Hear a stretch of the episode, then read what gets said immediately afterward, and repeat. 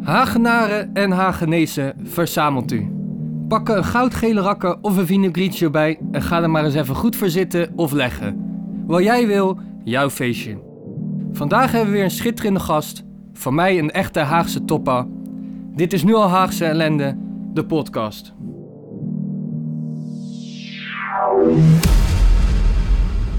Gelukkig.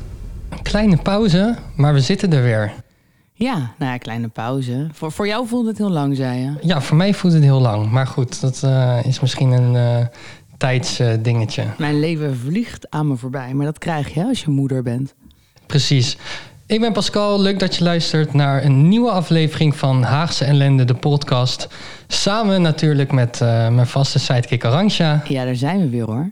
En een hele speciale gast, want we hebben familie in de house. Familie in de house. Ik heb niet mijn dochtertje meegenomen, die wilde ook heel graag, maar um, ja, die moest, uh, die moest ergens anders uh, op de radio inspreken.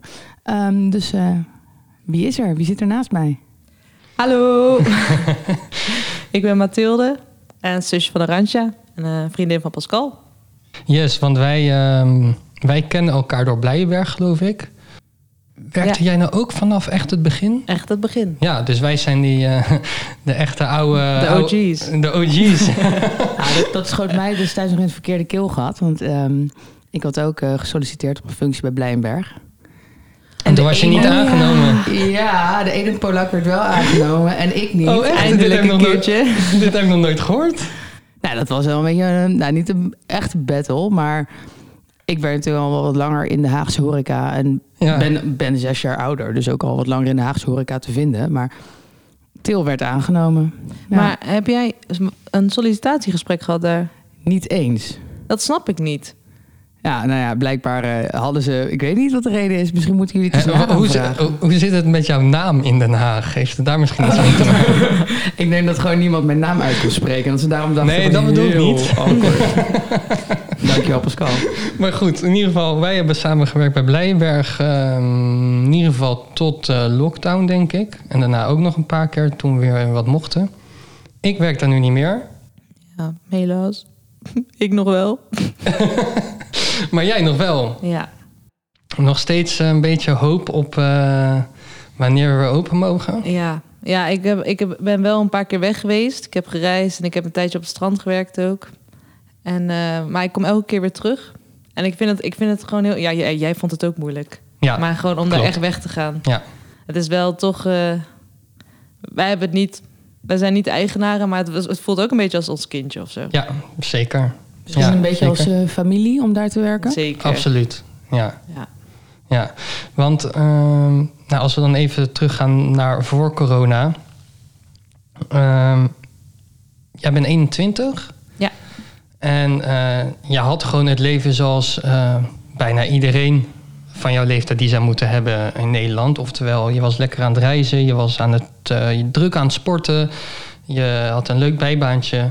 En ehm, je begon net met studeren. En je begon net met studeren.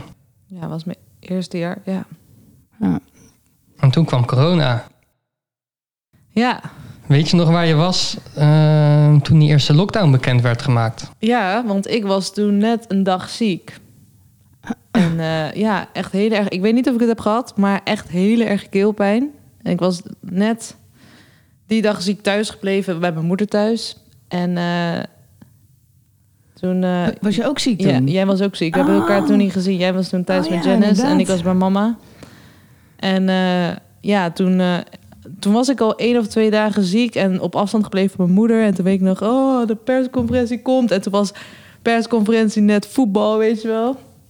En dus ook helemaal, oh, de persconferentie. En toen wel op, op uh, weet ik veel, mijn moeder aan de ene kant van de kamer en ik aan de andere kant. Dat wel gekeken. Ja, Volgens mij, uh, toen heb ik nog uh, wat boodschappen naar je Jij toe. Jij hebt toen gember gekocht voor mij, ja. ja, ja dat was echt heel chill. Ja. Hey, maar als we even teruggaan naar jouw leven voor corona. Want ik noemde net een paar punten op. Maar kan je misschien iets meer vertellen over wat je allemaal deed? Want jij was altijd super druk. Net zoals ja. je zus. maar uh, vertel even, hoe, hoe, zag jouw leven eruit? Ja, nou, um, ja, druk. Um, ik uh, studeer fysiotherapie. En dat is uh, echt wel een pittige studie. Ik vind het wel heel leuk. Het gaat goed, maar het is niet, het is geen avondje stampen studie en je haalt het wel. Het is echt oefenen, oefenen, oefenen. En, maar ik vind het gelukkig heel leuk, dus het gaat goed. Maar dat was echt wel een verandering na twee tussenjaren chill in de horeca werken, reizen. Een studie die echt wel van, ja, je moet echt je wel inzetten voor die studie. volleyballen deed ik. Ik heb nog steeds wel ambities binnen het volleybal, dus ik deed dat ook wel serieus. Nou ja, ik, ik, denk dat je daar wel iets meer over mag vertellen, toch? Ik bedoel, vanaf welke leeftijd doe je al een volleybal? Uh, acht, zoiets. En wat heb je allemaal gedaan binnen het gebied volleybal? Ik bedoel, we kennen allemaal wel een beetje balletjes slaan op het strand en een biertje erbij. Maar dat is niet wat jij gedaan hebt. Ja, nou, ik begon bij Kalinko in Scheveningen. En daar heb ik echt uh, uh, acht, acht, negen jaar gezeten. Door mama, omdat mama ook heeft gevolleybald. Ik weet nog, de eerste training wilde ik echt niet gaan. Verschrikkelijk. En toen had ik geen volleybalschoenen. Iedereen, elke, keer, elke mini noem je dat dan, als je onder de 12 bent. Elk kind had zaalschoenen en ik had van die balletschoentjes. Weet je, van die dansschoentjes. van die stoffen schoentjes die in het zwart en in het roze had. Ik schaamde me kapot. Maar oké, dat terzijde. Um, ik las toevallig uh, gisteren een artikel over een uh, Indiaanse volgens mij was het een Indiaanse marathonloper. En um, die had vlak voor de wedstrijd werden zijn schoenen gestolen je, nou, weet je, een racistisch pesterijtje. Toen heeft hij uiteindelijk uh, twee uh, verschillende schoenen uit het vuilnis getrokken en heeft hij daarmee de marathon uitgelopen als winnaar. Dus, um, Sick. dus shoes don't make the woman. Je bent aan het studeren, ja. je bent aan het volleyballen. Ja. Um, of nog, je was aan het volleyballen, maar nog steeds toch? Uh, nou, het is, het is nu echt alleen de eredivisie die, die mag, mag, trainen. En ik ben tweede divisie, dus dat is... Okay. We zijn net te slecht nog. En wat deed je nog meer? Um, nou, ik. Um, wat deed ik nog meer? Ik had Blijenberg. Mm -hmm. Of ik werkte ook op het strand bij de Shore. Mm -hmm. uh, maar het zomerseizoen was. Nou, nee, toen werkte ik nog niet bij de Shore. Sorry, toen werkte ik alleen bij Blij. Um, en voor de lockdown was ik daar echt heel veel. Ik werkte veel van mijn beste vrienden daar ook nog. Dus dan was het gewoon na je shift. Daar zijn. Ja, dus en je ging gewoon veel uit. En...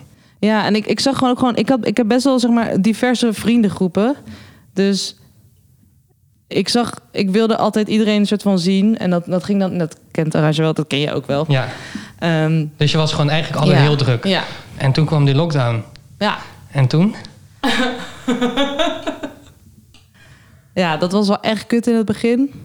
Um, nou, ik denk ook wel... Ik denk dat het... Um, uh, ja, nou, eind 2019 is uh, ons vader overleden natuurlijk. Ja. Van mij en Arantja. En dat was uh, best wel zwaar. En toen, net voor de lockdown, had ik het heel moeilijk. Maar ik kon wel weer een beetje genieten, soort van. Mm -hmm. En je, je, had het ook gewoon zo druk... dat je niet... Continu daaraan dacht. Niet stil bij te ja. staan bij het rouwproces. Ja, precies. Ja. En toen opeens viel alles weg... En uh, toen, uh, ja, het was ook omdat ik twee tussenjaren heb gehad. Toen was ik kaart aan chillen en toen kreeg ik mijn studie waar ik vol, voor wilde gaan. En dat lukte ook. En toen gebeurde dit dus, omdat ons vader overleed. Dus toen was het weer zo van, ga, dan val je weer uit het studeren, zeg maar. -hmm. En toen dacht ik, nou, ik moet nu wel echt weer wat gaan doen. En toen kwam die lockdown. En toen nou, dan zit je thuis, je studies online. Maar je kan niet online fysiotherapeut worden. Je moet mensen voelen. Je moet aan mensen zitten. je moet gewoon... Ja. Ja, Snap ja, ineens waarom fysiotherapeut is geworden. Nee, ja, maar het is heel intiem hoor. Maar, maar uh, dus dan val je weer... Dan kom je en jezelf tegen, want je, je, alles valt weg. En uh, het studeren wat je zo graag wil, dat, uh, dat gaat ook helemaal fout eigenlijk. Ja, nou ja, we hebben het sowieso dadelijk nog even over dat uh, thuis studeren. Want dat is denk ik uh, uh, in jouw leeftijdskring is dat een heel groot onderwerp. Ja. Um, wat zijn voor jou een beetje de hoofdzaken die je bent tegengekomen in een lockdown? Waar je, de punten waar je het meest zeg maar, moeite mee had? Um, nou, deze lockdown gaat mij makkelijker af. Maar de eerste was het echt nou, vooral het thuis studeren, dat, nou, dat, maar dat merkt iedereen. Um, nou, het was ook gewoon... Um, wat Want we toen woonde ook- je nog thuis, hè? Bij Ja, je moeder. Wat ook heel... eh, onze moeder is ook niet helemaal fit meer. Ehm, en dat iemand zoveel angst heeft voor corona... en dat je niet meer met iemand kan knuffelen, dat is... Nou, dat, heeft mij, dat treft mij het zwaarst, denk ik. Wij knuffelen elkaar nog, maar... eh, nou ja. Ja, dat snap ik. Ja, En- ik, ik snap dat het voor Til inderdaad wel heel lastig is. ehm, omdat jij die, die emotionele klap eigenlijk wel een stuk beter hebt opgevangen dan ik. Of niet, niet beter, zwaarder. Eh, ik woonde niet meer thuis. Ik heb een dochtertje. Ik heb hele andere focuspunten. Ehm, maar Til die woonde thuis. En wat jij nu heel... Ja, hoe moet ik het zeggen? Eh, misschien dat je het niet over wilt hebben... of dat je het niet belangrijk genoeg vindt. Maar wat ik ook wel noemenswaardig vind... is dat jij voordat papa overleed... hij heel vaak naar het ziekenhuis moest. En ik heb het nooit voor elkaar gekregen om een rijbewijs te halen in mijn leven. Wie Ah. weet komt het ooit nog. Maar Til heeft eigenlijk eh, voor zijn overlijden, denk ik... meerdere malen per week op en neer naar het ziekenhuis gependeld met onze vader. Ehm, en dat, eh, dat is noemenswaardig. En ten tijde van de lockdown, precies zoals je het beschrijft... onze moeder valt ook in de risicogroep. En dan zit je ook weer met een ouder thuis... die je eigenlijk wel meer zou willen helpen of meer zou willen verzorgen. Maar ja, dat, meer dan wat je doet, kan je niet doen. Ja, en ik denk dat met alle jongeren dat jij niet de enige bent in zo'n eh, in zo'n situatie. Heb je ook mensen om je heen, eh, veel, veel eh, studenten waarmee je in de klas zit, of veel vrienden die een beetje hetzelfde tegengekomen zijn? Ehm, nou, ik heb eh, wel wat vrienden met ook ouders in risicogroepen. Dus die zijn, dus die zijn, ehm, ja, die zijn er alert op. Maar het is net- we hebben gewoon best wel veel meegemaakt, Arantja en ik, denk ik, afgelopen jaren. Dus het is, ik heb niemand gevonden die kan rela- rela- relate op dat niveau. Maar, Maar, het is wel veel een korte tijd geweest. En Ja. dat het eh, de intensiteit is. En- maar dat terzijde, ik heb wel vrienden die heel veel begrip tonen en er ook echt willen zijn. Ja, En voor mij. En Arantje heeft dat volgens mij ook. En ehm, daar zijn wij wel echt dankbaar voor natuurlijk. dat snap ik. En eh, ik ben een tijdje, want ik ben dan in de lockdown eh, eh, mijn opa verloren. Ja. Ja. Dat is, nou ja, weet je, dat kan je denk ik niet vergelijken eh, met een van je ouders verliezen. ja, maar dat hoeft ook niet. Nee, dat hoeft ook niet. Nee. Nee. nee. Maar juist, het, ik heb nu een boek wat ik aan het lezen ben. En dat heet eh, Je bent jong en je rouwt wat. En dat is niet zozeer een stappenplan van hoe je door een rouwproces komt, want dat bestaat er niet. Maar het is meer, eh, eh, iemand heeft dat opgeschreven, ook een jong, of iemand van 30 die dan de, de, eh, een van de ouders verloor. En die heeft gewoon opgeschreven wat ze allemaal meegemaakt heeft tijdens dat rouwproces. En daar zitten een heleboel punten van herkenning in. En eh, een van die punten is, is dat niemand begrijpt echt wat je doormaakt en voelt. En dat is volgens mij wat je net ook aangaf. Ja. ja, het is ook... Je, weet je, we hebben onze oma's verloren. En, eh, ehm, of tenminste, we zijn bij hun begrafenissen geweest.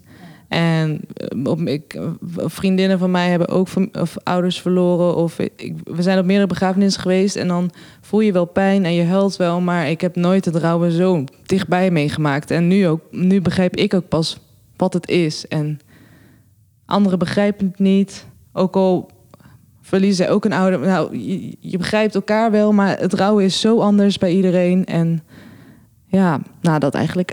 Ja, Ja, en ik vind het mooi dat je benoemt dat, dat je een... ehm, kijk, een begrafenis is voor heel veel mensen het aanhechtingspunt... als je het hebt over een overlijden. Ja. Ehm, de begrafenis is er, dat is de plek waar je rouwt... waar je ook die ervaringen deelt. Maar op het moment dat het bijvoorbeeld om je ouders gaat... dan spelen er hele andere emoties mee bij dat verlies... die ook op andere punten ehm, in je herinnering dat aanhechtingspunt gaan vormen. En ehm, ja, bedoel je dan dat, zeg maar, dat in Nou de toekomst je- je- dat alles wat je bereikt... of alles waar je bijvoorbeeld... Nou, ik bedoel dat als je terug, terugblikt op het rouwproces, dan herinner je je niet per se de begrafenis. Ik, wat ik weet van papa is dat de begrafenis. Tuurlijk, Ik- ik, ik, herinner hem me nog wel.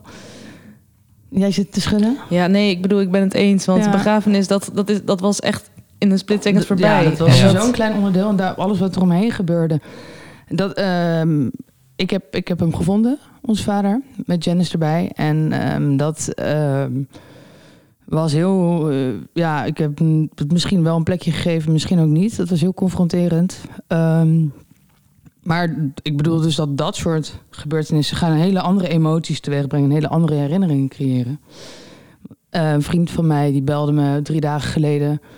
midden in de nacht of om drie uur s'nachts op zei Arantja, ik moet je wat vertellen. Ehm, en hij vertelde dat eh, zijn, nou niet zijn biologische vader, maar ehm, de man die zo goed als een vaderfiguur voor hem was, dat hij bij een eh, brand omgekomen was. Ehm, en dat deze persoon, dat die man hem een paar keer had gebeld al de afgelopen periode. Maar die vriend van mij, die was eigenlijk best wel, eh, ja, niet op een slechte manier, maar heel veel met zichzelf bezig de laatste tijd. En hij dacht van, weet je, Komt wel. Ik bel hem later terug. En dat... eh, Maar die keer die komt niet. die komt niet. Die komt niet meer. En ehm, dit verhaal, dat heb ik ook van jou, eh Mathilde, op een bepaalde manier zo verstaan. En ik heb ook tegen die vriend gezegd van, geef niet. Weet je, het, laat dit je niet kapot maken. Laat dit niet aan je knagen. Ehm, en de cliché waar, waar we het later, of daar straks over hadden, over... Je hebt nog heel veel mooie herinneringen. Ja, het, het is een cliché, maar laat je in ieder geval niet opvreten door een schuldgevoel.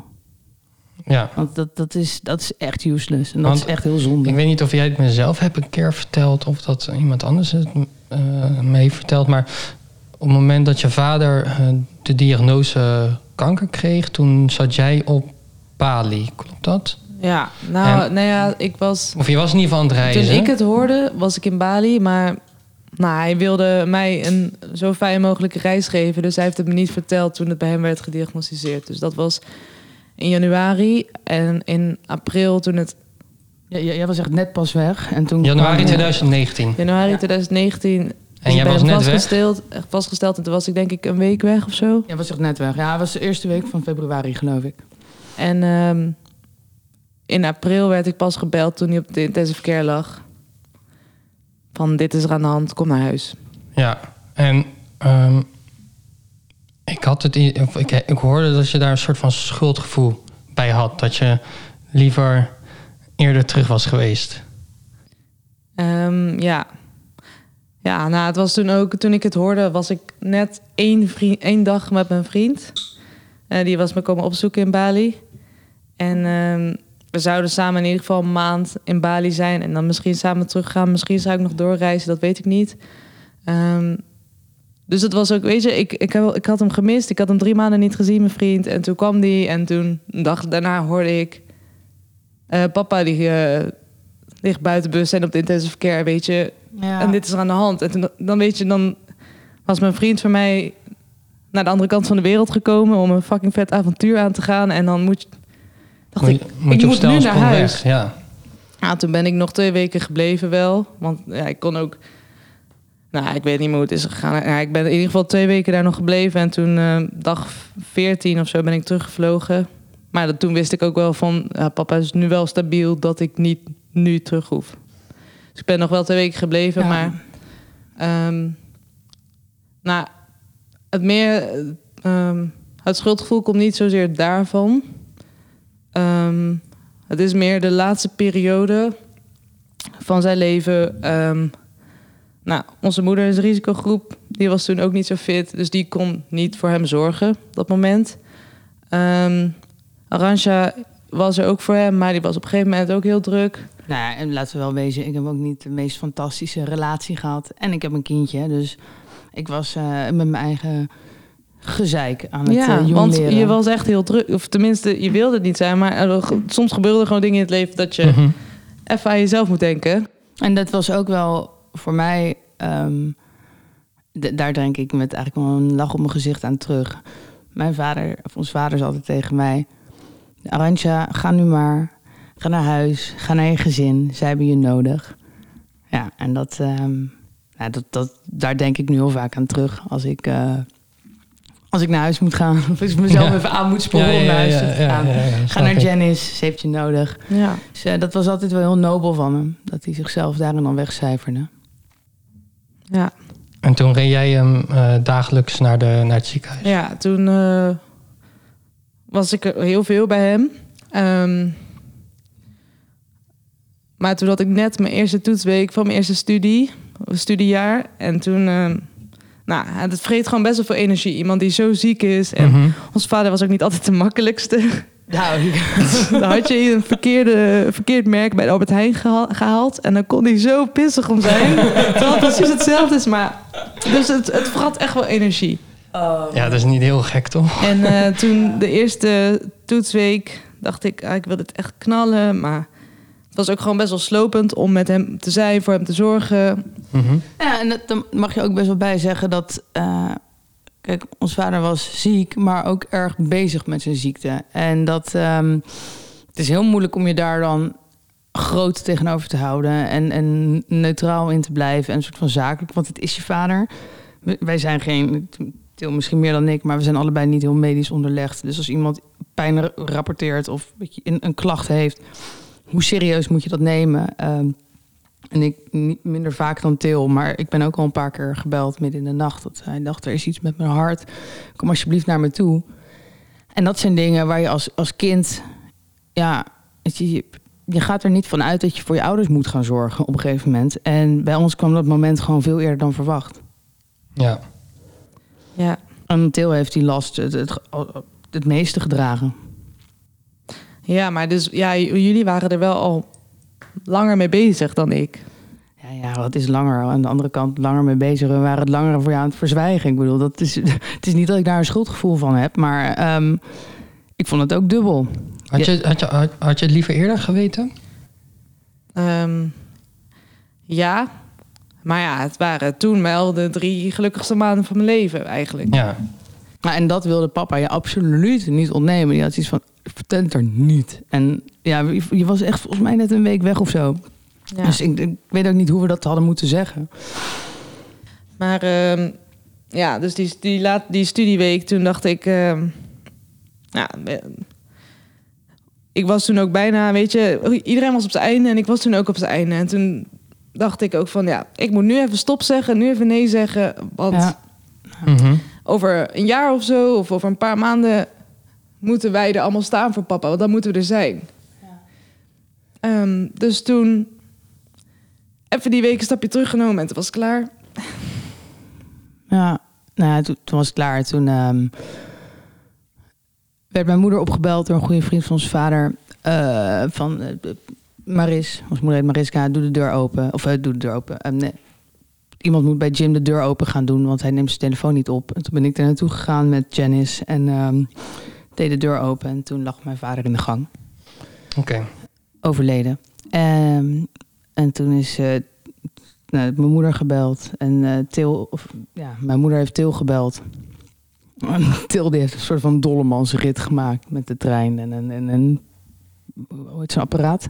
Felix of zo. Felix, ja. Ja, Eerst gerend, maar ik kon niet meer. Toen stond er een Felix op de hoek en toen heb ik die gepakt.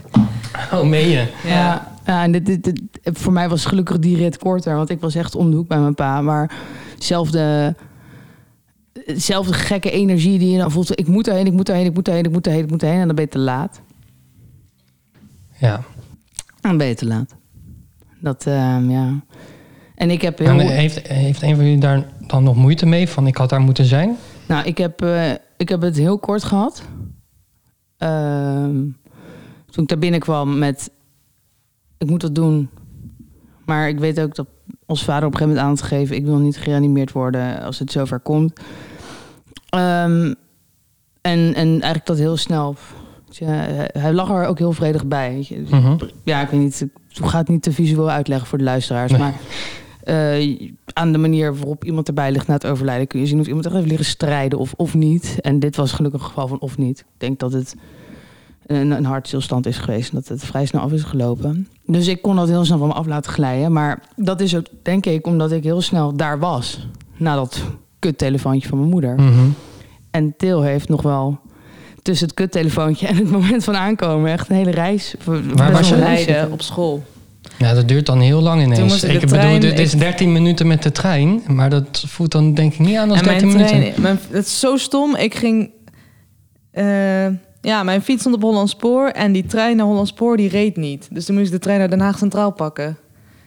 Ja. En toen, dat is, dat is nou ja, Wat gaat er dan door je heen? Nou, ik heb keihard staan janken op eh, het station. Toen kwam er iemand naar me toe, gaat het wel? En ik zo, ja. Ik dacht, ik dacht, nou, ik dacht eerst, Ja, je gaat ook. moet je, ik zeggen- je wil denk ik ook niet vertellen aan diegene. Ja, nee, eh, het gaat niet, want mijn vader die is net dood gegaan. ja, ik, ik geloofde dat toen nog niet. Ik denk inderdaad dat op het moment, en dat, eh, ik, dat was het moment dat ik brak. Toen ehm, Patrick, dat is die vriend van ons vader, die kwam toen uit het huis van mijn vader toen. Die was er dus eerder dan onze moeder. En toen eh, belde ik mama op. En ik kon het ook niet zeggen. Ik, ik zei ja, te laat of zo. Ik kon niet Ja. zeggen, papa is dood. Op het moment dat je dat zegt, dan is, het, dan is het definitief. En ik kon dat niet zeggen. Ik kreeg het niet over mijn lippen. En ik denk dat dat misschien is wat jou daar ook... Weet je, dat, op het moment dat je het gaat benoemen, dan wordt het echt voor jezelf. En we hebben dat, weet je, dat je die woorden uitspreekt, dat schrijf je volgens mij zo lang mogelijk voor je uit. Herken je daarin? Ja, maar dat is ook... We, we wisten dat hij niet gereanimeerd wilde worden. En ja, ik weet niet meer precies hoe dat is gezegd tegen mij. Maar mijn moeder belde me eerst op van... Ja, het is waarschijnlijk mis. En daarna kreeg ik weer een telefoontje toen ik op het station was. Want toen was ik ook gerend van mijn school naar, het, naar Leiden Centraal. Terwijl ik wist dat er geen trein meer was die ik kon pakken. Dus ik had dat ook gewoon rustig kunnen lopen. maar ik heb ze voor mijn leven gerend. Maar dan sta je daar nog langer te wachten op het station. Oh, Ja. verschrikkelijk. Ja. Maar, en toen belden ze weer en toen was het... ehm, nou, dat ze zijn niet... Ja, of, dat ze bezig waren met reanimeren of zo. Maar dat wilde die natuurlijk niet meer. Maar er was wel er was ambulancepersoneel bij en die waren met hem bezig. En ik denk dat ze het ook een beetje op die manier tegen jou Ja. gezegd. Ze zijn met papa bezig. En dat is ook Ja, weer en ze moeten natuurlijk wel die verklaring zien... van dat hij niet gereanimeerd wilde worden. En we wisten niet waar die was toen of zo. Dat was ook Ja, klopt. iets. Er moest een huisarts gebeld worden. Dus het was allemaal een heleboel Dus gehannes. ik dacht nog, ze reanimeren hem en... Hij, hij, is, hij, hij is waarschijnlijk in een hele slechte toestand als ik aankom. Maar ik dacht nog, hij is er nog. Ja. Terwijl ik ergens in mijn achterhoofd weet van... Ja, hij wil het niet meer en bla, bla, bla, bla. Tenminste, niet meer gereanimeerd worden. Ja. Eh, maar toch denk je, hij is er nog. Misschien in coma, misschien, Mhm. weet je, maar... Ja, En als we dan even naar corona overschakelen. Heb je dan extra last gehad, denk je, of extra moeite gehad met het verwerkingsproces? ik denk het wel. Tot zover je een verwerkingsproces kan hebben. Want in principe gaat dit gewoon natuurlijk. eh, denk je, zal je altijd aan blijven denken, eh, zolang je leeft. Maar die lockdown die helpt niet mee, denk ik. dan. Nee, in het begin was alles nog kutter gewoon dan het... ja, heel bot gezegd, maar... Ja, ik, ik heb me heel snel eh er... Ja, ik kan mezelf heel goed dingen aanpraten, laat ik het zo zeggen. En ik heb mezelf heel snel aangepraat dat het alleen maar een opluchting is voor alle, alle partijen. Dus eh, onze vader, onze moeder, Mathilde, mij, het- iedereen eromheen. Dat mijn vader eh, in zijn eh, toestand, dus een longkankerpatiënt, niet ook de coronacrisis mee heeft hoeven maken. Was, het, was, het, was de man die veel naar buiten ging en die veel ondernam? Moi, eh, ja, hij zag wel veel mensen voor, voor zijn toestand. Ja. Maar het probleem zat hem vooral in wat ik eerder al zei... dat hij wel heel erg met zijn ziekte bezig was. Ja, en de angst. En, En, en ja. angst om dus eh, nog zieker te worden, dood te gaan, geïnfecteerd te raken. Ehm, en in tijden van corona was dat niet te doen geweest. En dan was hij denk ik heel erg vereenzaamd. Ja. En dat is hem, in dat opzicht is dat hem nu bespaard gebleven. Dus dat, dat is denk ik waar ik voor mezelf dingen mee goed kon praten. Ja, en maar ik- jij hebt het anders ervaren natuurlijk. Ja, maar ik denk wel één ding wat jij ooit tegen me hebt gezegd, heeft wel, wel mij wel weer geholpen. Want eh, we hadden het alle vier heel zwaar. Jij, ik, papa, mama, we hadden allemaal ons eigen dingetje. En je zei, je beschreef het, beschreef het heel mooi toen. Ik weet niet meer precies wat je zei, maar we liepen allemaal op de laatste loodjes. En iets moet zeg maar knappen. En dat heeft hij toen voor ons gedaan. Nou Ja, en, en dat was dus ook wat ik daar straks al benoemde. Dat ehm, papa tegen mij zei: weet je, ga naar huis, ga naar je gezin toe, ga voor ze zorgen, ze hebben je nodig. Ehm alhoewel aan de ene kant natuurlijk helemaal niet dood wilde gaan, absoluut niet. Net, net opa geworden en een elektrische fiets waar hij dolblij mee was. Ehm, denk ik dat papa zich er wel van bewust was dat hij de eerste was van ons vier die zou gaan. Ehm, en het niet wilde, maar ergens ook wel weer berusting had in die rol. En ja, als, als dat een soort van gevoel is waar wij nu energie uit mogen putten, dan, dan denk ik dat we dat onwijs moeten doen. Ik bedoel, is toch een beetje het, lichtpuntje aan de horizon dat we van hem het leven hebben gekregen en dat we dat leven ook mogen leiden. Ja, ja dat heb je mooi gezegd.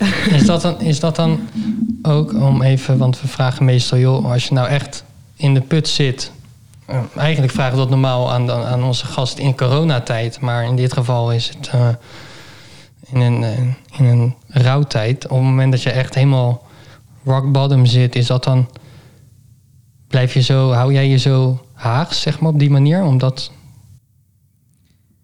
Ja, ik heb een, een tattoo op mijn pols van zijn vingerafdruk. En ik moet wel zeggen, als het echt kut gaat en ik kijk ernaar, het, het gaat altijd.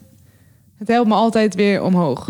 Ja, precies. Ik, ja, dat is wel zijn gedachte, zijn. Um, ja. Wat hij mij heeft gegeven. Ik had nooit verwacht dat je uit de tattoo zoveel kan halen, maar um, ja, dat werkt zeker voor mij. Dus dat is wel mijn dingetje. Mooi.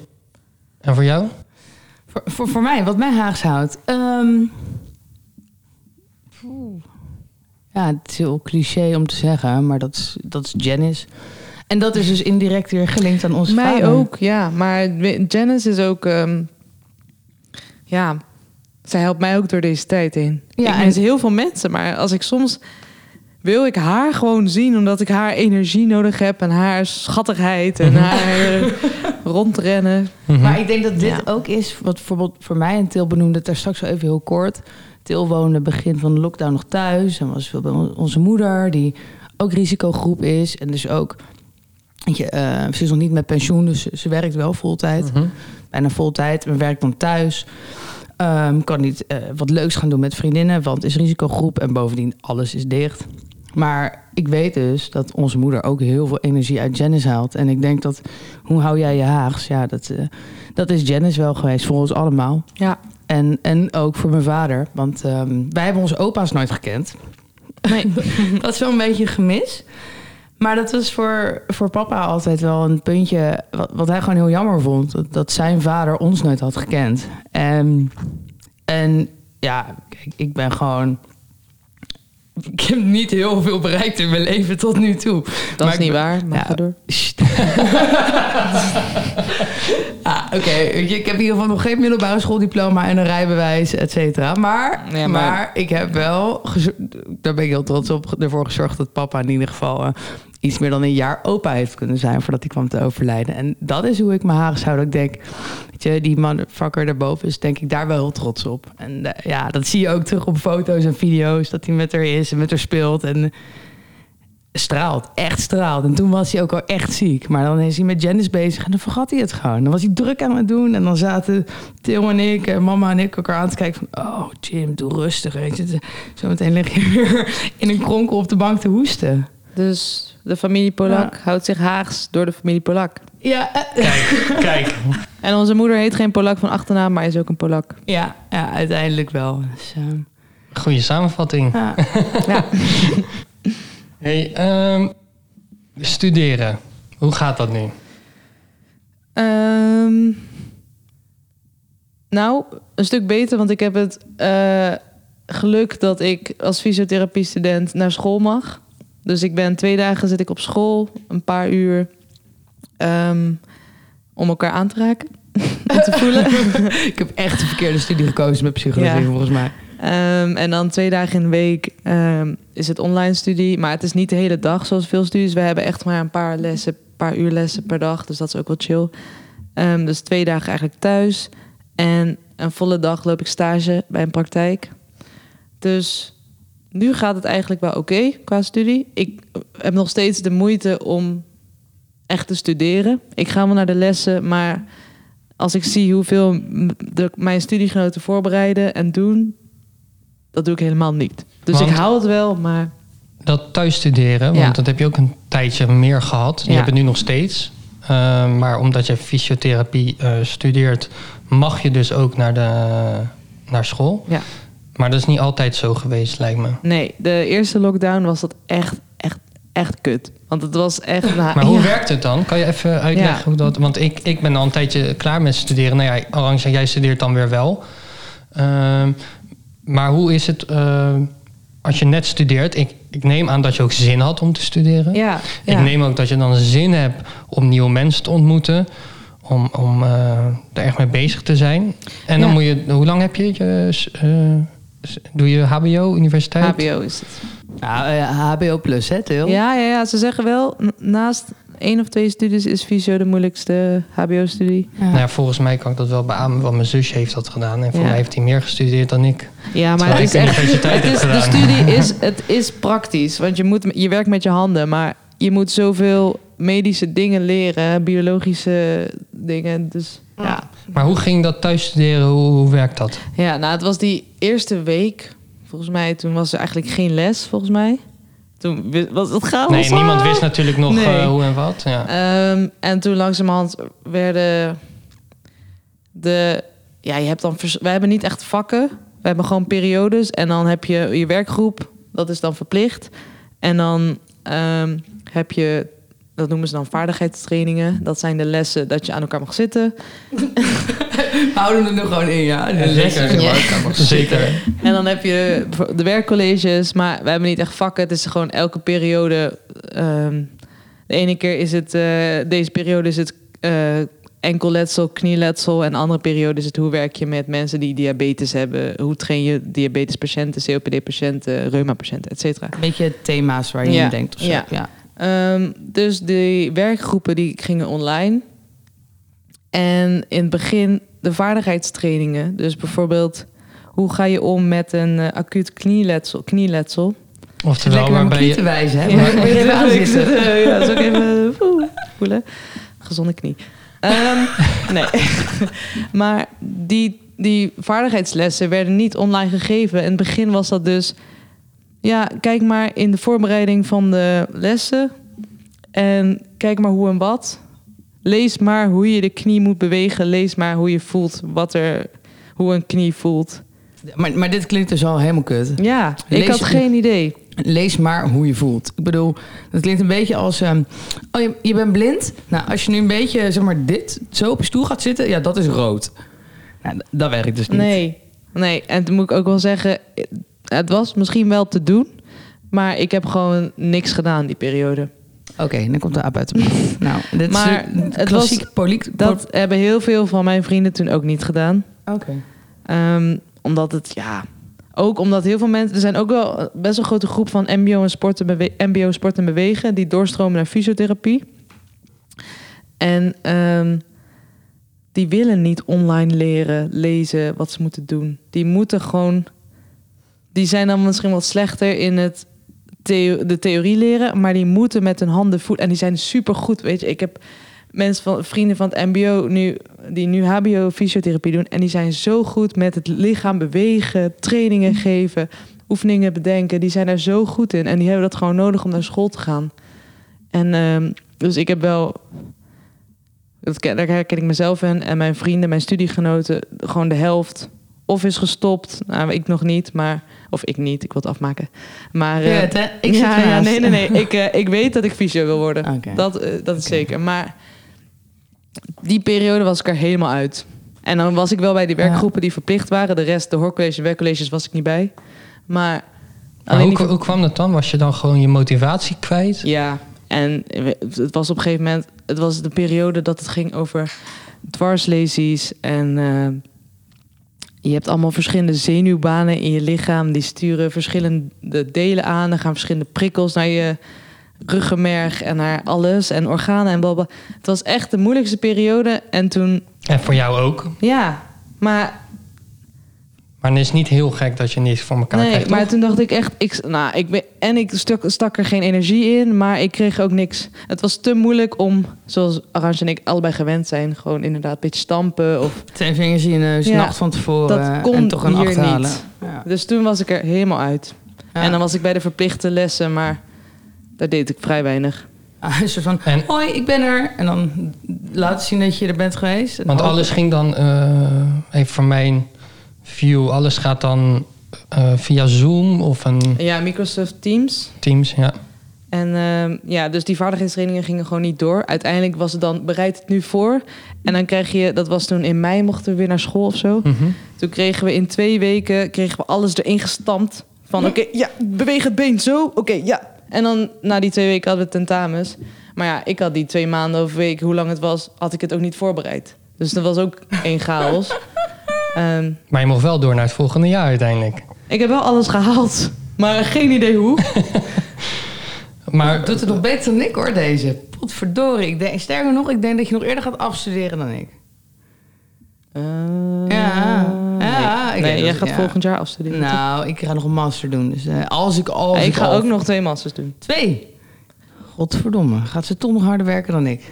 En wat zijn nou een beetje de, de grootste, de grootste problemen die je hebt ervaren, zeg maar, door, door thuisstudie? Wat heeft jou voor het meest opgebroken of eh, het meest waar je last van had? Ehm, ik denk sowieso, ik was bij de verplichte lessen was ik wel professioneel. Eh, Ik, ik bereidde me niet goed voor, maar ik was er en ik lulde maar wat.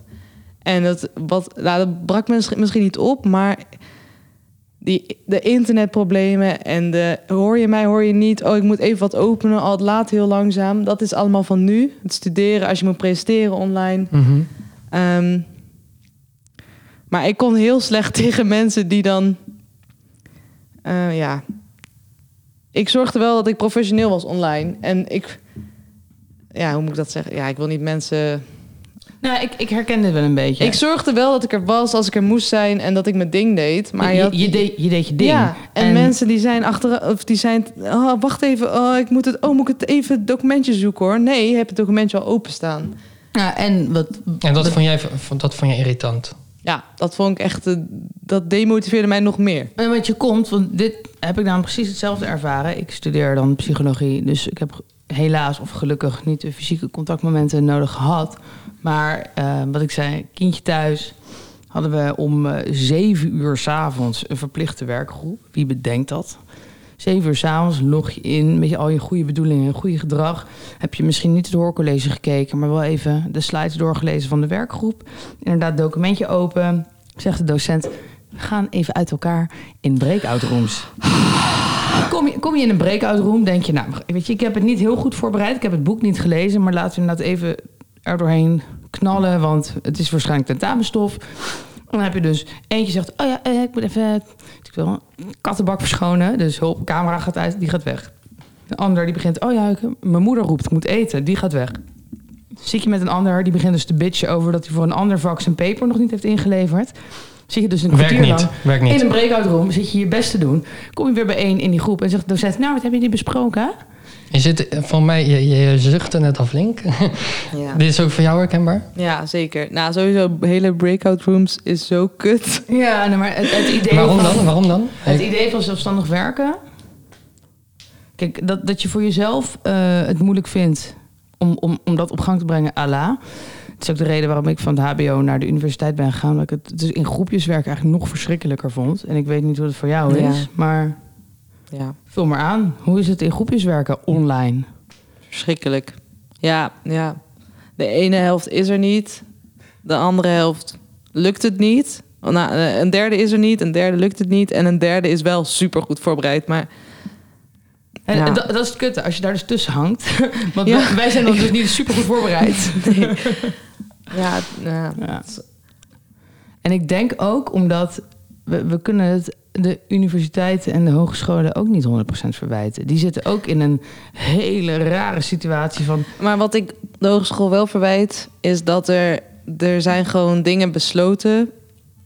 Van oké, de tentamens gaan zo, dit gebeurt zo met de lessen, bla bla bla. Naar echt, weet ik veel, anderhalve maand van onduidelijkheid. Wat logisch is, want het is nieuw voor hun ook natuurlijk. Weet je, zij weten ook niet wat ze moeten doen in deze situatie. Maar het was zo lang onduidelijk en toen opeens zijn er beslissingen gemaakt. Waardoor wij als studenten ja, ons best wel genaaid voelden van... oh, we hebben opeens nu... we krijgen bijvoorbeeld wij als fysiotherapeuten... krijgen in twee weken, acht weken stof gestampt. En dan ga je kan tentamen maar doen. En er is nooit gevraagd van, er is nooit een enquête rondgestuurd of aan een studentenraad gevraagd van, weet je, what is going on, wat willen jullie? Of geef als hogeschool een paar opties van dit en dit en dit is mogelijk. Kijk gewoon meeste stemmen gelden wat de studenten nodig hebben. Maar dat is nooit gebeurd en dat verwijt ik ze wel.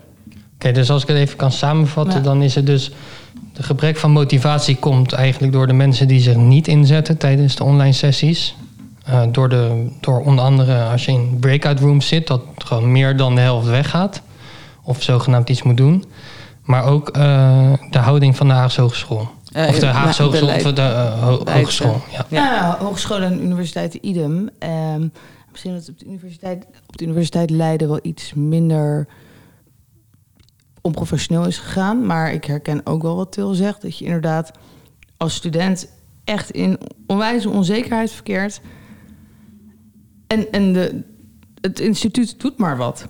Waar, waar een jaar geleden er nog open boektentamens waren bij ons, is het nu allemaal heel strikt via een, een, een systeem dat dan uh, zowel je desktop opneemt als de camera, oh ja. als uh, microfoon. En um, ja, als student moet je daar een beetje omheen gaan werken.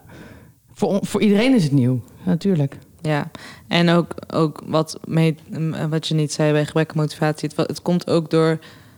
Ja, je bent gewoon er niet voor gemaakt als student om acht uur op een dag op je kamer achter een laptop te zitten en alle stof op te nemen. Want je bent nog niet. Dit, dat doe je als je stamt voor je tentamen of leert voor je tentamen. Maar, maar niet elke dag. Nee, je, dit hou je niet vol. Maar ben jij dan nog, zeg maar. Jij bent denk ik wel iemand die wel redelijk makkelijk leert, denk ik. Ja, daarom heb ik ook alles tot nu toe gehaald. Omdat ik. Precies, maar je hebt vast ook wel mensen in je omgeving die niet zo makkelijk leren. Ja. Door bijvoorbeeld zoiets als ADHD. Hoe is het voor hun? Kan je daar iets over zeggen? Um, nou, ik merk dat het online. Je krijgt nu heel veel mailtjes en pop-ups en. Oh, het staat in die omgeving, online omgeving. Oh, het staat daar. Oh, je moet je daarvoor inschrijven. En dan, weet je, we hebben dan mailtjes per periode, maar dan moet je je wel aanvinken voor die periode, anders krijg je die mailtjes niet. En als je daar niet stipt op bent, mm -hmm. dan, dan, mis je je, alles. dan mis je alles. Want je krijgt het ook niet mee op school. Dus je moet Ja. alles zelf uitvogelen achter je laptop. En als je daar dat gewoon. is niet heel fijn. als je daar- niet voor nee. iedereen, lijkt me. En of als je, je, nou, daar eh, gewoon, ja, precies. En als je daar gewoon wat minder handig in bent, of je kan gewoon niet de focus leggen om die duizend groepen aan te klikken en ja, volgen, precies. dan mis je alles. En dan kom je erachter na een paar weken, oh, ik had me moeten inschrijven voor dit. En nu heb ik dat niet gedaan.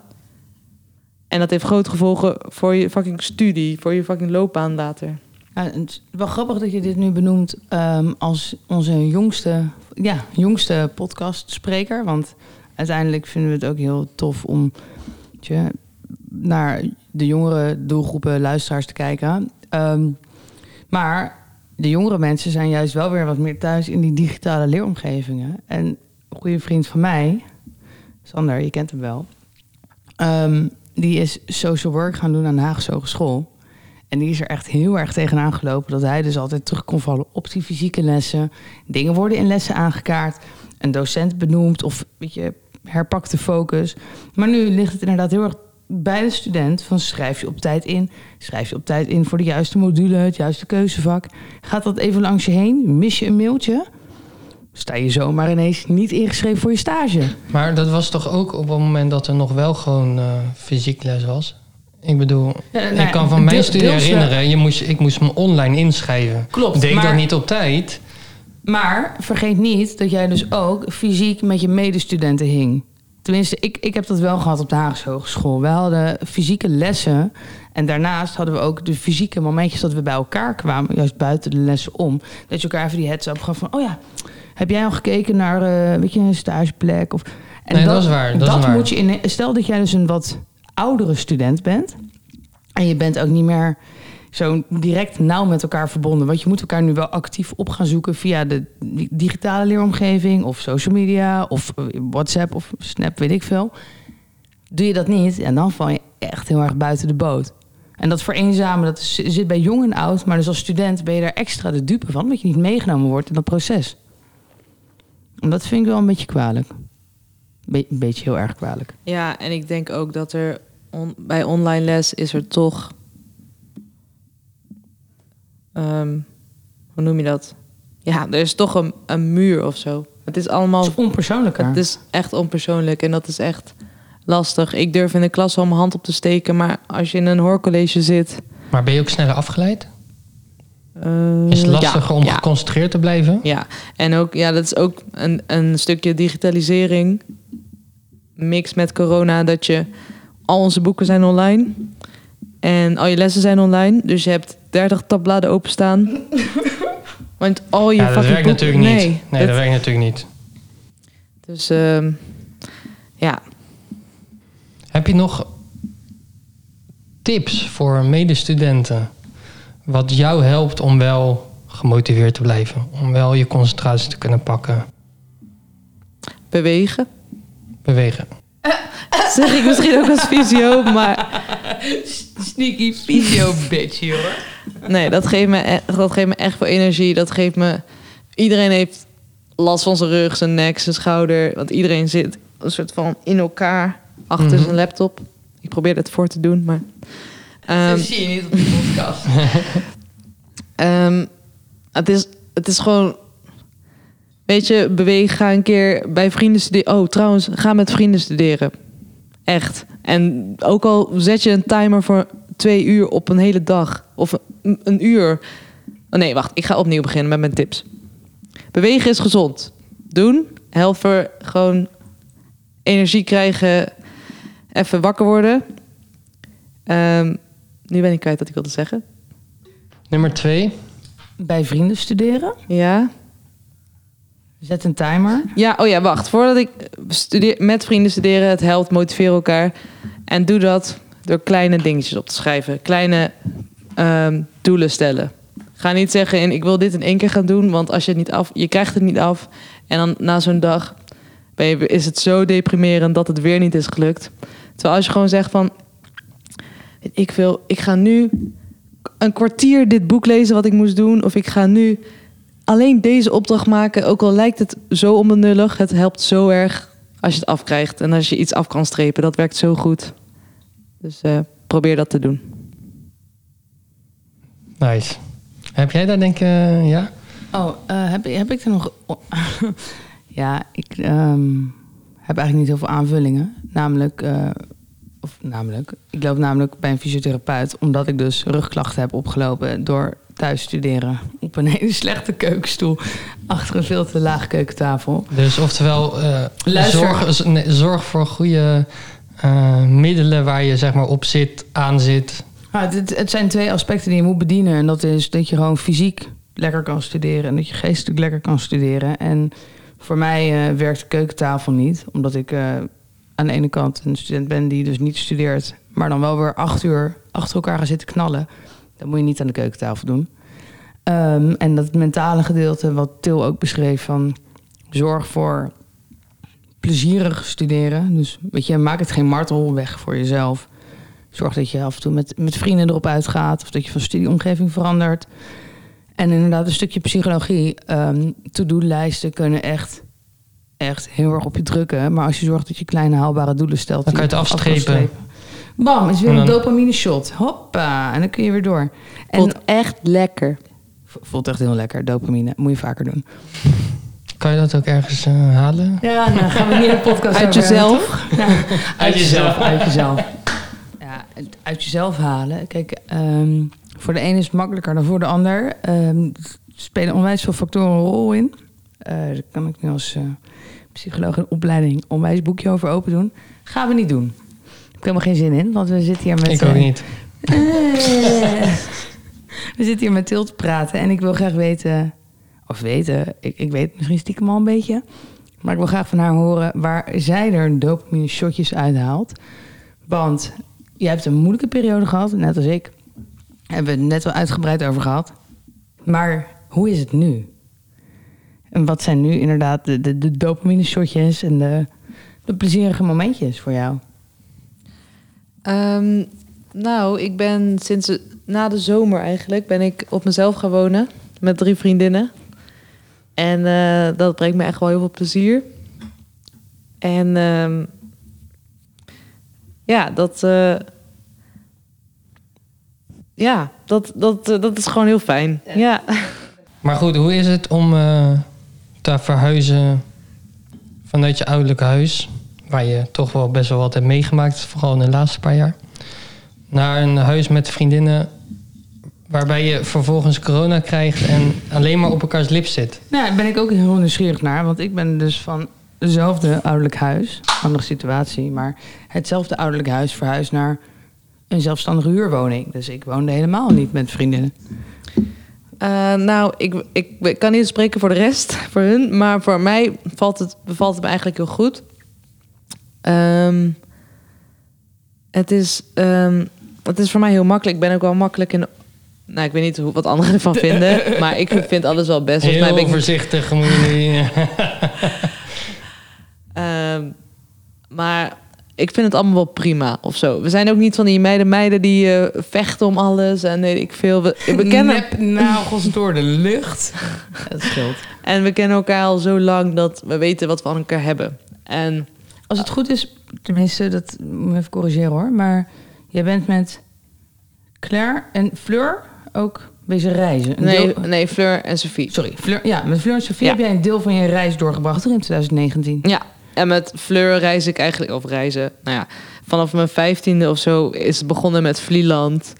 Eh, een paar dagen, toen werd het eh, Groningen twee keer per jaar. Toen werd het Berlijn een week. En toen werd het Interrailen, toch? interrailen door Europa. En eh, toen werd het Vietnam.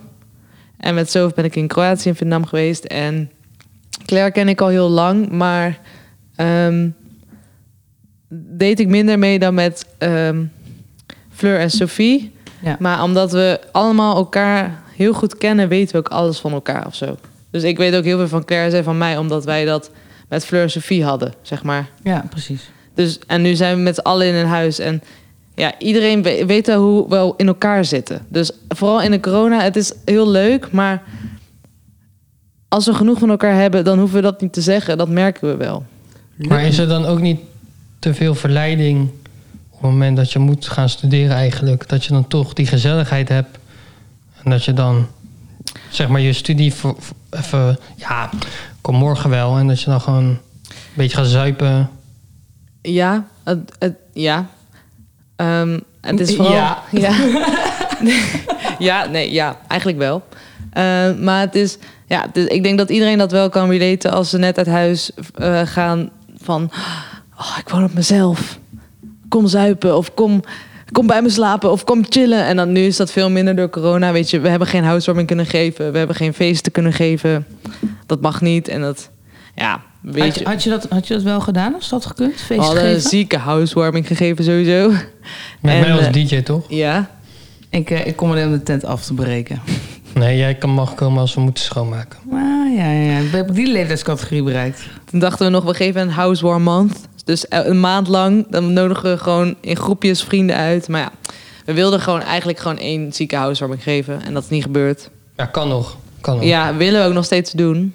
Want ja, dat, en we wilden gewoon ook... Het zou fucking leuk zijn om de hele zomer feesten te geven. En, Ja, want dat heb ik inderdaad nog niet benoemd. Maar ze hebben ook een goede tuin, hoor. Ja. Ja, ik ben nog niet geweest. ja dus, Pascal, eh, kom fucking langs. Maar Ehm, goed, je, je- lijkt me wel dat je sneller afgeleid raakt van school. ehm, Het ja, lijkt me sneller dat je afgeleid raakt van school. eh, op het moment dat je met alleen maar goede matties woont.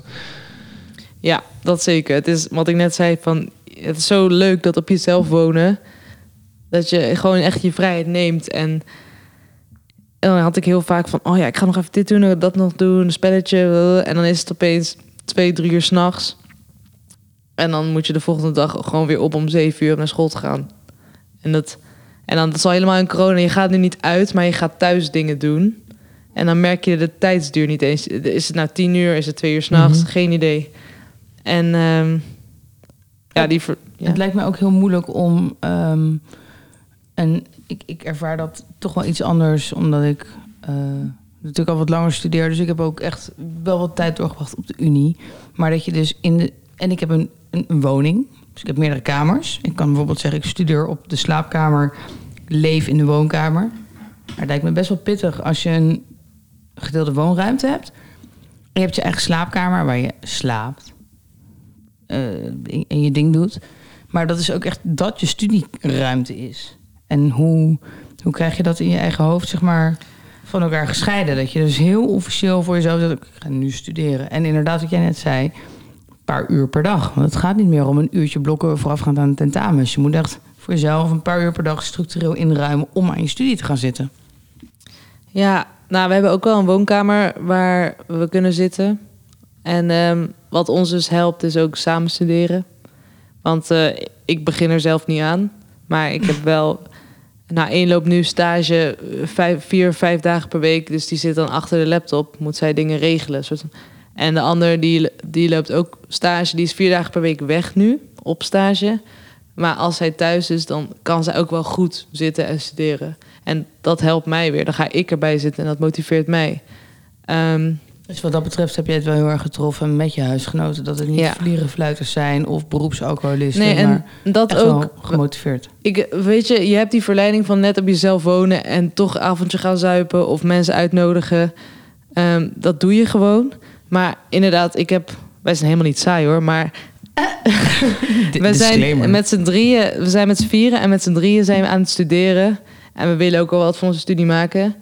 En um, Zoof, die is gewoon keihard aan het werk.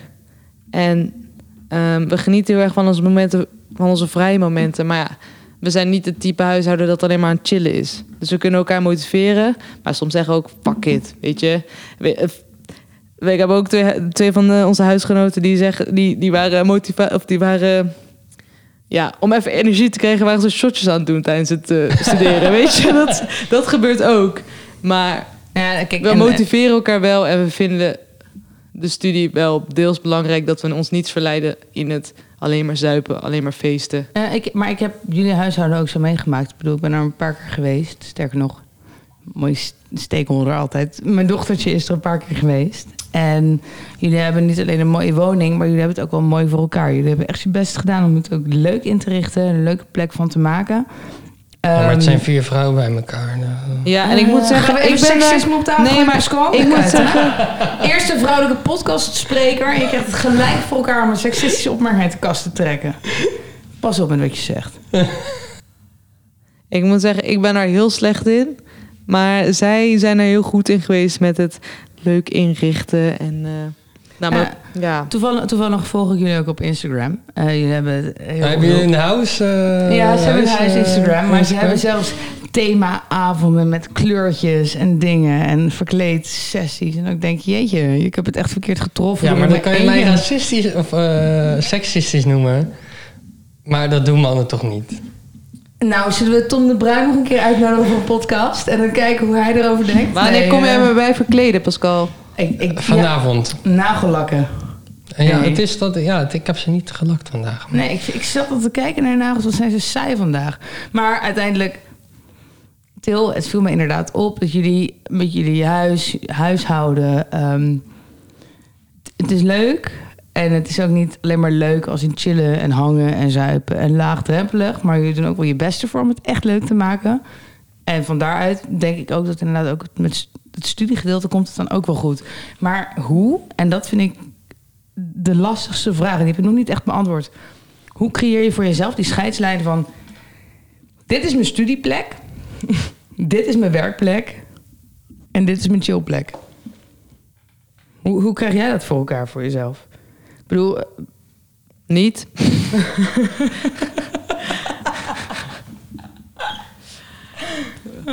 dus jij zit ook met een shotje naast je boek. Ja, wat ik dus... Ik ben nog... Ik, ik, ik, ik, uh, wat ik zei, ik ben wel lekker bezig met mijn studie... dat ik weer naar school kan en zo, et cetera. Maar het studeren, dat lukt mij nog niet helemaal. Ja. Um, dus ik heb nog... Maar Fleur bijvoorbeeld, mijn huisgenoot... die heeft gewoon... Weet je, die heeft een ritme. En daar ben ik echt jaloers op. Want die heeft... En ik vind uh, ook een dikke shout-out naar haar... want ze doet het echt heel goed... Want zij heeft nu vier dagen per week um, de stage, waar ze dan elke dag zes uur voor opstaat. Um, kwart voor zeven of zo moet ze het huis uit. Kwart voor zes komt ze thuis. En dan gaat ze om zes uur nog naar training, want we trainen ook samen.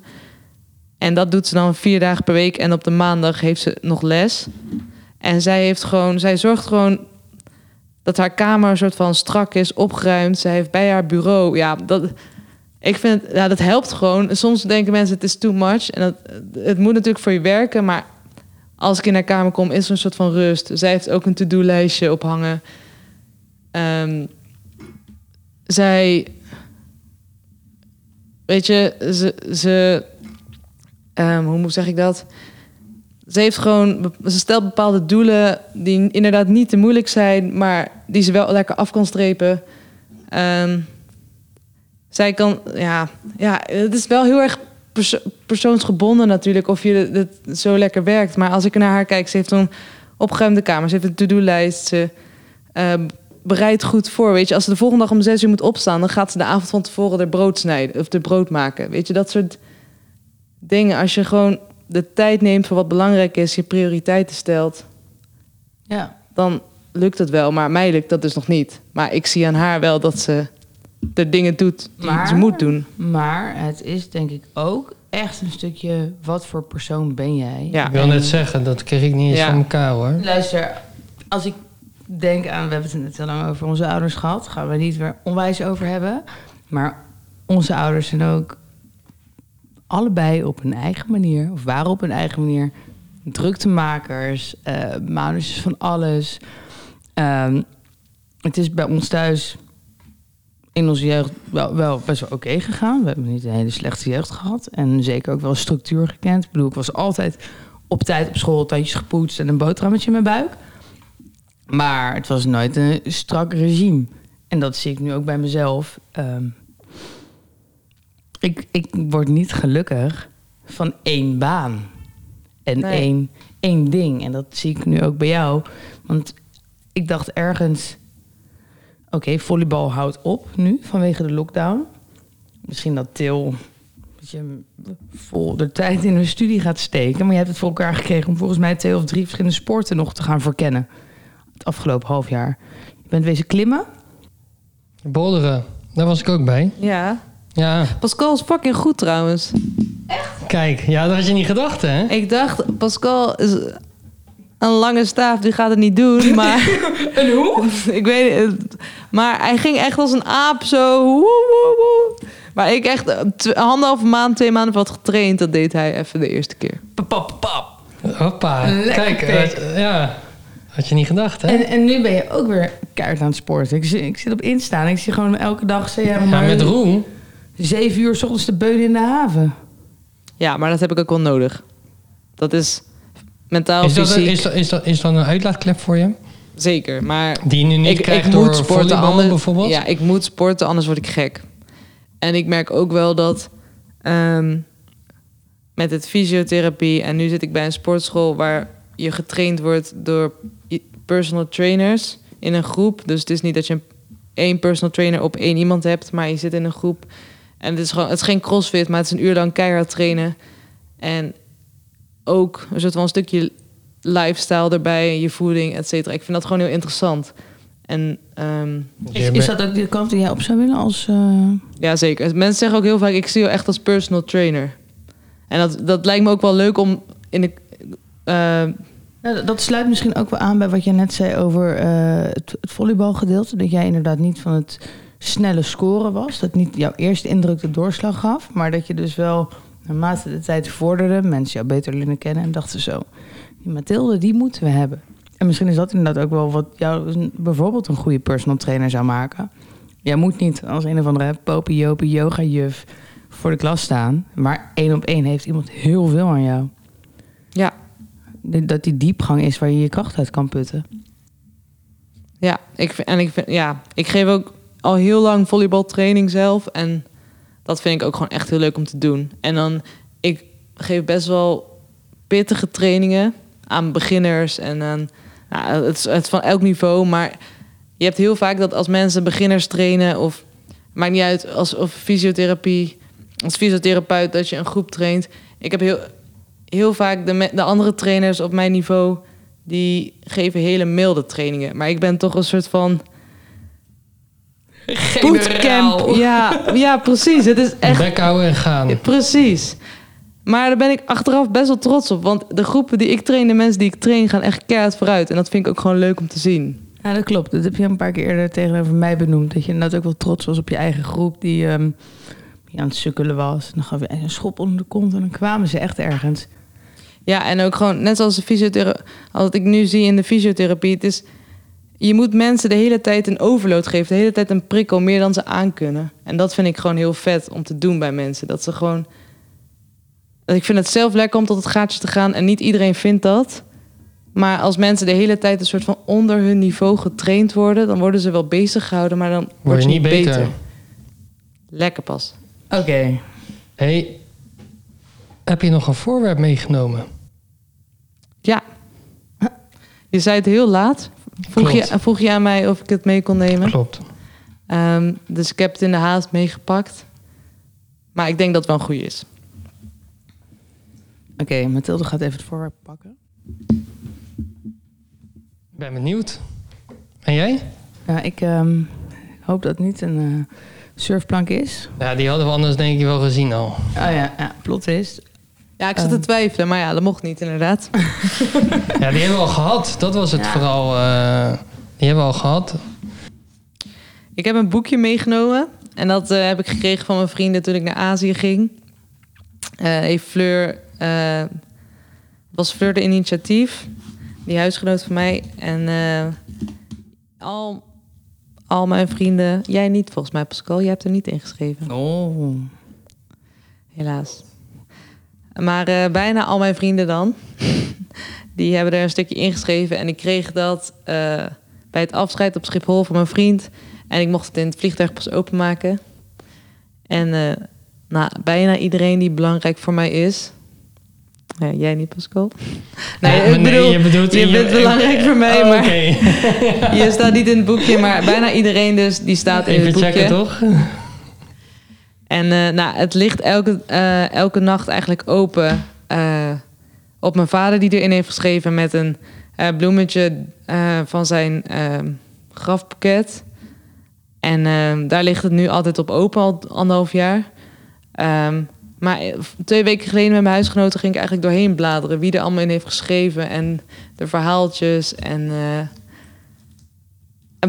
ik was even vergeten dat, dit, dat de rest er ook in had geschreven. Het, heeft anderhalf jaar mm open gelegen op de bladzijde van mijn vader. Die er wat in heeft geschreven. Maar zoveel goede vrienden hebben echt iets moois geschreven. En die zijn er ook de afgelopen anderhalf jaar en veel langer voor mij geweest. Um, en daar ben ik denk ik het meest dankbaar voor. Dus daarom heb ik dat meegenomen. Klinkt goed. Toch? Ja, een heel, heel mooi boekje. Heel mooi. Uh... Ik zie het boekje ook. Alle pagina's zijn een soort van dubbel beschreven. En er past niet heel veel meer bij in het boekje, laat ik het zo zeggen. Nou ja, wat denk ik ook wel mooi is. Um,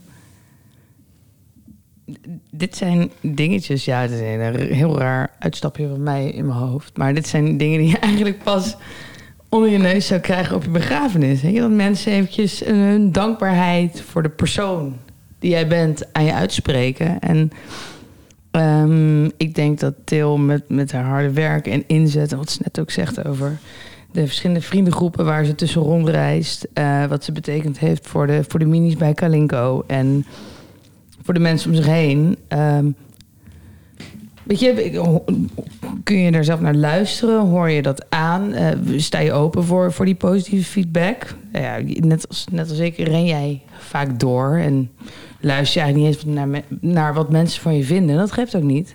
Maar dit boekje zorgt ervoor dat je inderdaad ervoor dat je even stilstaat bij wat wij over jou denken.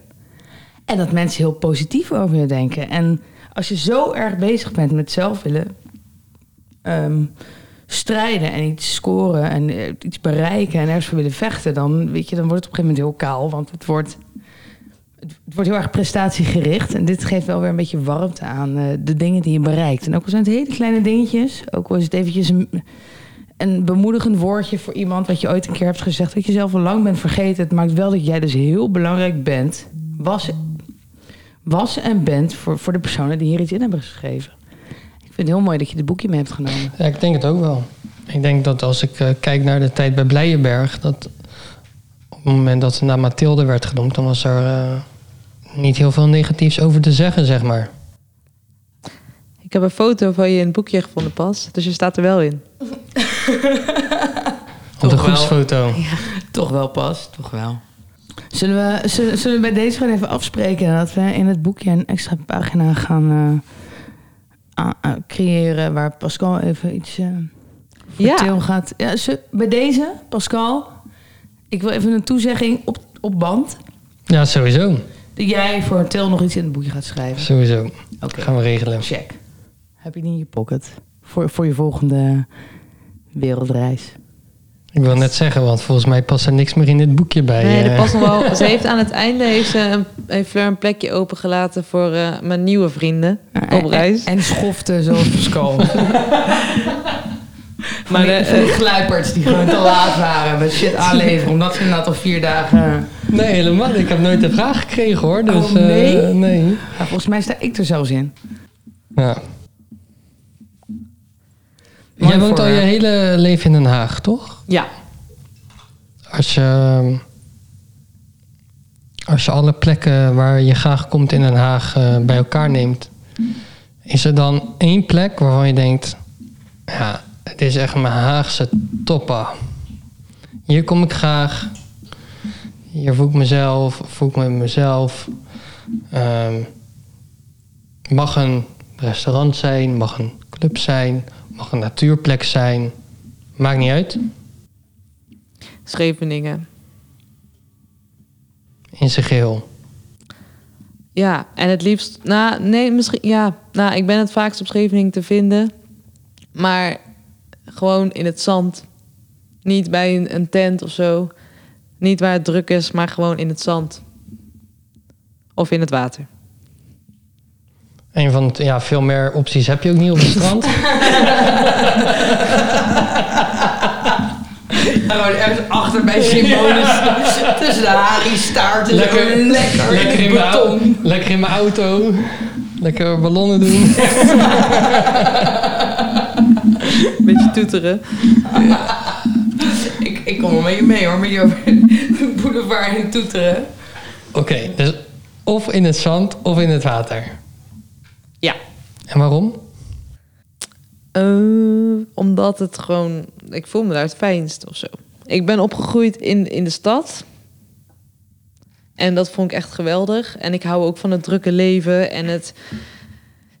Uh, alles is open altijd. Je ziet altijd bekenden. Het is druk. Weet je, Arantje en ik kunnen als een gek fietsen door de stad. tegen de richting in, door auto's, over auto's. Daar worden we ook vaak uh, door herkend. Ik kreeg laatst een berichtje via Facebook. Hé, hey, ik zag jou uh, door de Prinsgracht heen cruisen met je kleine voorop. Kerkliedjes zingend. En, uh, ik denk dat jij dat soort berichten ook wel eens hebt gehad. Ja. Dat, gespot zijn als een maniak. 20 km per uur door de... Maar, um, en dat vind ik lekker. En dat, dat, dat, zo ben ik opgegroeid. Maar en we zijn ook altijd naar het strand gegaan natuurlijk. Maar... Um, gewoon in het zand, het gevoel. Ik, ik, lig, ik vind het heerlijk om te liggen in het zand, op het zand... en gewoon met mijn handen door het zand te gaan... of te bikkelen in het water als het eenmaal kut is op te surfen. Maar ik kom er niet doorheen, maar gewoon een uur lang te bikkelen... en daarna te genieten in het zout, in het water. Um, zonsondergang, zonsopgang. Um, het, het, voelt het laat me gewoon heel lekker voelen.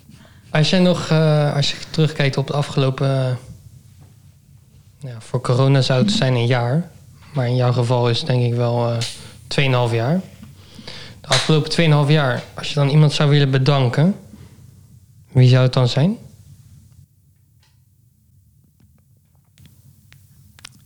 Eén iemand vind ik heel lastig. Moet het één iemand zijn? Ja, nee, mogen ook meerdere mensen zijn. Er mogen er echt heel veel meer zijn, maar...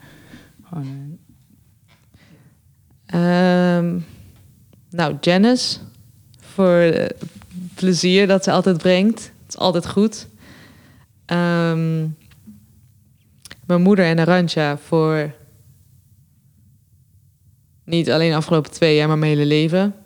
Mm -hmm. En uh, dat kan ik uitleggen, maar dat, hoeft, dat wil ik niet, dat hoeft niet. Dat weten ze zelf ook wel. En ehm, ja. Nou, het afgelopen jaar denk ik Fleur, Sophie, Claire, Alexandra, Storm, Caro, jij ook pas. Ehm, en Bram. Want eh, dit zijn wel mensen die er altijd zijn geweest. En eh, die eh, me hebben geknuffeld, die me hebben zien huilen, die er, ja, die er gewoon zijn. En weet je, jou heb ik een tijd niet gezien. Ik heb alle andere vriendinnen die zie ik een tijd niet. Maar ja, het is altijd goed en ze zijn er altijd. Ja, ja zo voel ik dat ook. En, ehm, oh, en Mabel. Hetzelfde. Nu gaat hij komen, hè? En dan is je, oh, en die, oh, en die, oh, en Nee, maar ik denk dat het... Dus uh, Janice vooral voor de energie die ze brengt. De familie, want die zijn er zoals ze moeten zijn. Mhm. En de vrienden die de laatste tijd uh, echt zijn geweest. Nice. Ja, het was een uh, heftige podcast dit. Ook, ook voor mij. Dankjewel.